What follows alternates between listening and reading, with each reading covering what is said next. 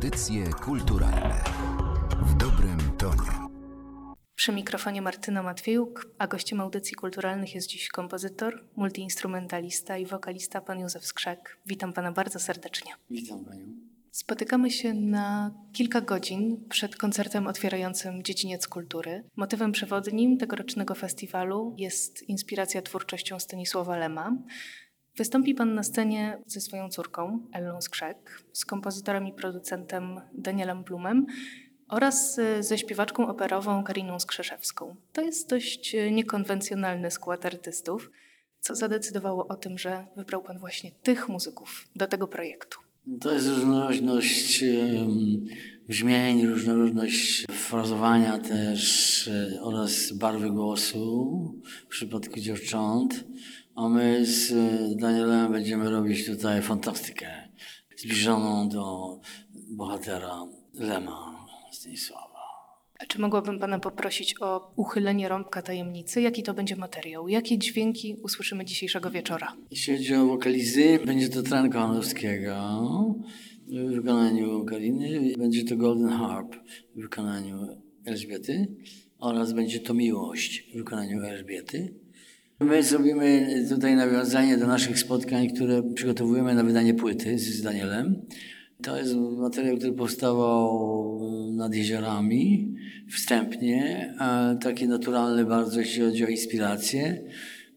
A tutaj będzie kontynuacja. Po dłuższej przerwie spowodowanej tymi różnymi zakazami. Wreszcie jesteśmy wyzwoleni, no więc to jest taka premierowa nasza nowa sytuacja, również w sztuce, jakby odnawiamy się. Ja pozwolę sobie nawiązać do motywu przewodniego tegorocznego Dziedzińca Kultury.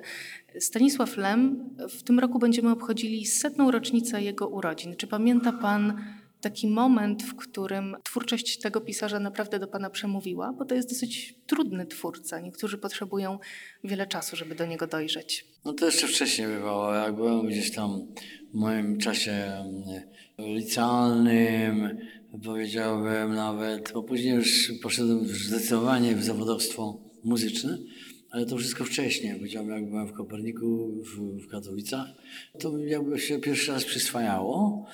No ale pierwszy raz jakby gram na ten temat. Opisuję to muzycznie. Czyli jakby się próbuję tutaj no, zagłębić w tego niesamowitości i żeby wyszła z tego też fantazja pod gwiazdami. To jest zawsze dla mnie niesamowite, kiedy jedna dziedzina sztuki przekuwa się w drugą.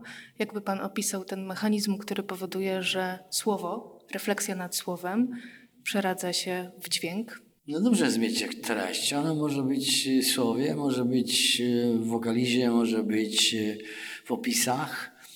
No ale tutaj są to jednak pewne inspiracje, które wywodzą się z opowieści pewnych. No i to po prostu na tym opiera. Po prostu te, te wszystkie nasze aranżacje z Danielem, one będą takim opowiadaniem bajecznym na swój sposób. Takie trochę właściwie bliskie science fiction. Lem to dla Pana przede wszystkim rozważania o przestrzeni i kosmosie, czy raczej może pościg technologiczny, a może człowiek i jego kondycja? Który z tych obszarów twórczości Lema jest Panu najbliższy? Człowiek jest najważniejszy. Nasze marzenia istnieją i oby były dalej spełnione, natomiast człowiek jest zawsze blisko. My też jesteśmy blisko w tym momencie. Zresztą człowiek y, zawsze się gdzieś przewija w naszym życiorysie czykolwiek na drodze, czy w sytuacjach skrajnych, powiedzmy, że w tych sytuacjach, w których jesteśmy osłabieni, przytulenie ludzkie i ta syn energia, która wynika ze człowieka do człowieka, ma znaczenie pierwszorzędne.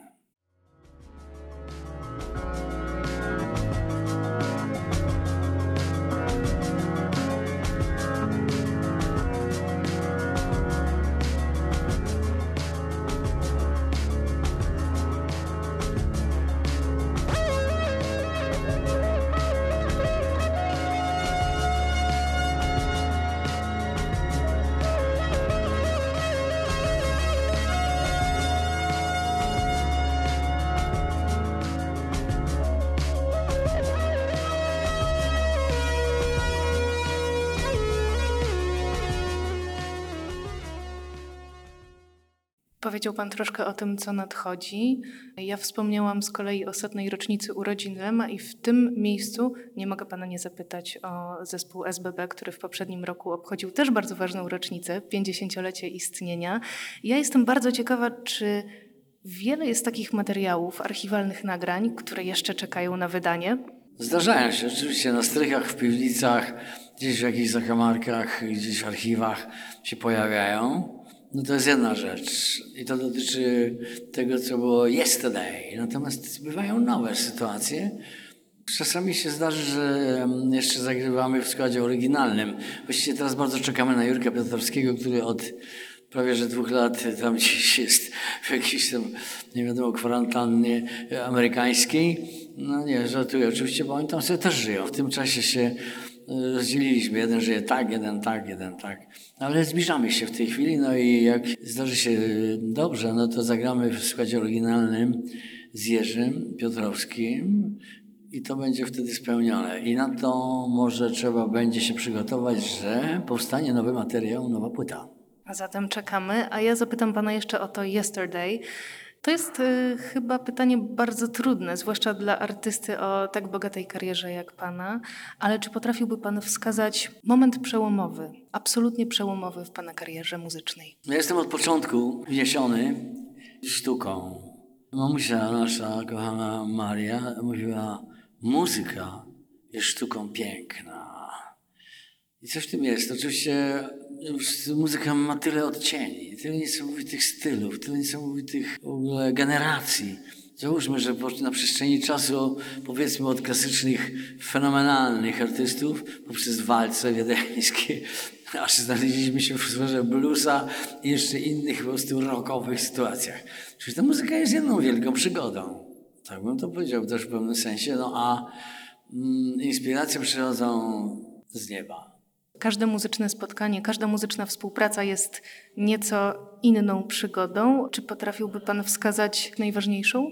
To są takie no, przeróżne przemiany, które jakby spowodowały to albo to. Taki stan ducha jak dzisiejszy. Ja cieszę się z tego, że jeszcze mogę być na scenie, że mogę grać, że mogę komponować, że mogę istnieć w tym, co się nazywa sztuka. Natomiast przełomowe. No, kiedyś miałem koncert urodzinowy w Roskilde gdzie graliśmy po Bob Marleyu. To były 30 urodziny pana. I oni mi zaśpiewali Happy Birthday to You, co było dla mnie szokujące, bo zapomniałem, że mam urodziny. Byliśmy w trasie ciągle, żeby było w trasach.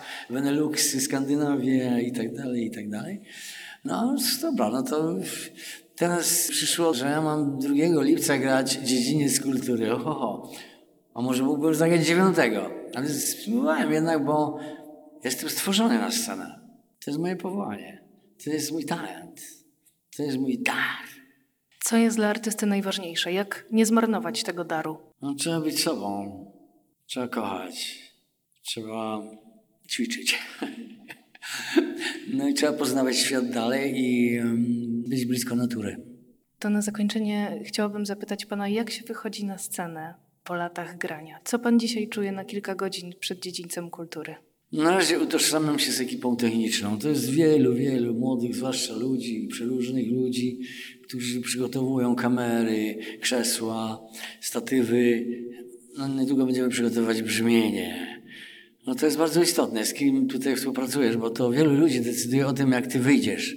Czy wyjdziesz po prostu na przykład dobrze brzmieniowo dźwięk, czy będą niezłe światła, albo jeszcze może lepiej. No i czy będzie niezła transmisja, bo przecież wielu ludzi będzie pewnie to oglądać internetowo. Czy to jest rzeczywiście niesamowita maszyna, która w tej chwili zaczyna się organizować. I w tym momencie ja jestem cząstką tej maszyny. Natomiast później o 20.30 no to już jest tajemnica.